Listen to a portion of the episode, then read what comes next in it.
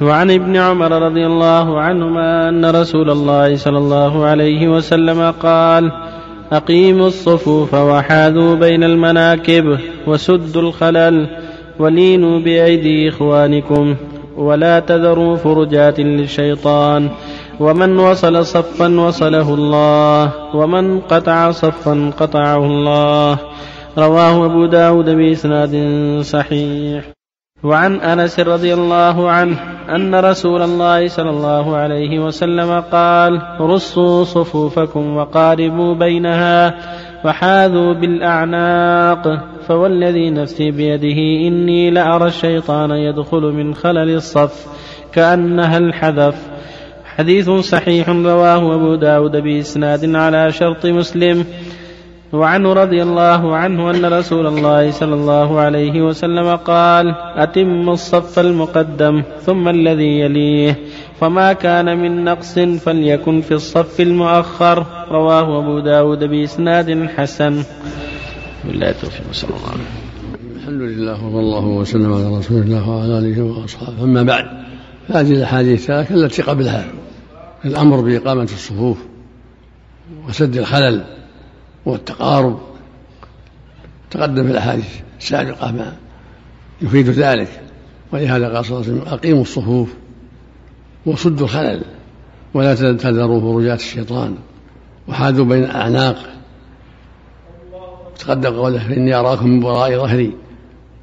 ومن وصل صفا وصله الله ومن قطع صفا قطعه الله.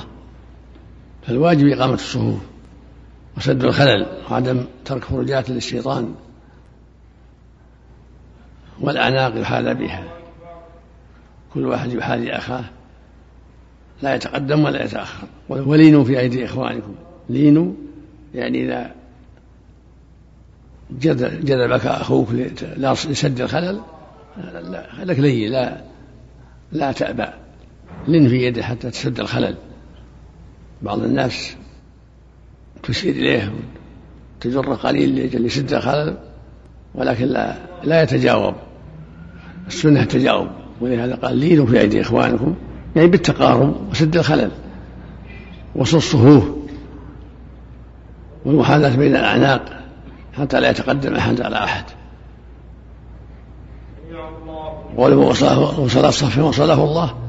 هذا فيه أمر عظيم وفائدة كبيرة. ومن قطع صفا قطعه الله. كونه يترك فرجات الشيطان. هذا فيه وعيد فالواجب سد الخلل والتراص والتقارب فيما بينهم التقارب بين الصفوف كل صف قريب حتى يسجد عند مؤخر الصف الذي قبل الذي قدامه. أما لا يتساهل في هذا أو يتكبر بل يلين الصف ويسد الخلل طاعة لله ورسوله محاذرة من معصيته ومعصية الرسول عليه الصلاة والسلام. وفي ذلك مصالح كثيرة للمسلمين تقارب بينهم تواصل يزيل الشحناء يقرب بين القلوب. كذلك الصفوف يتم الصف المقدم. فالمقدم فما كان من نقص يكون في الصف الأخير. يعني على الجماعة أن يرصوا الصفوف الأول.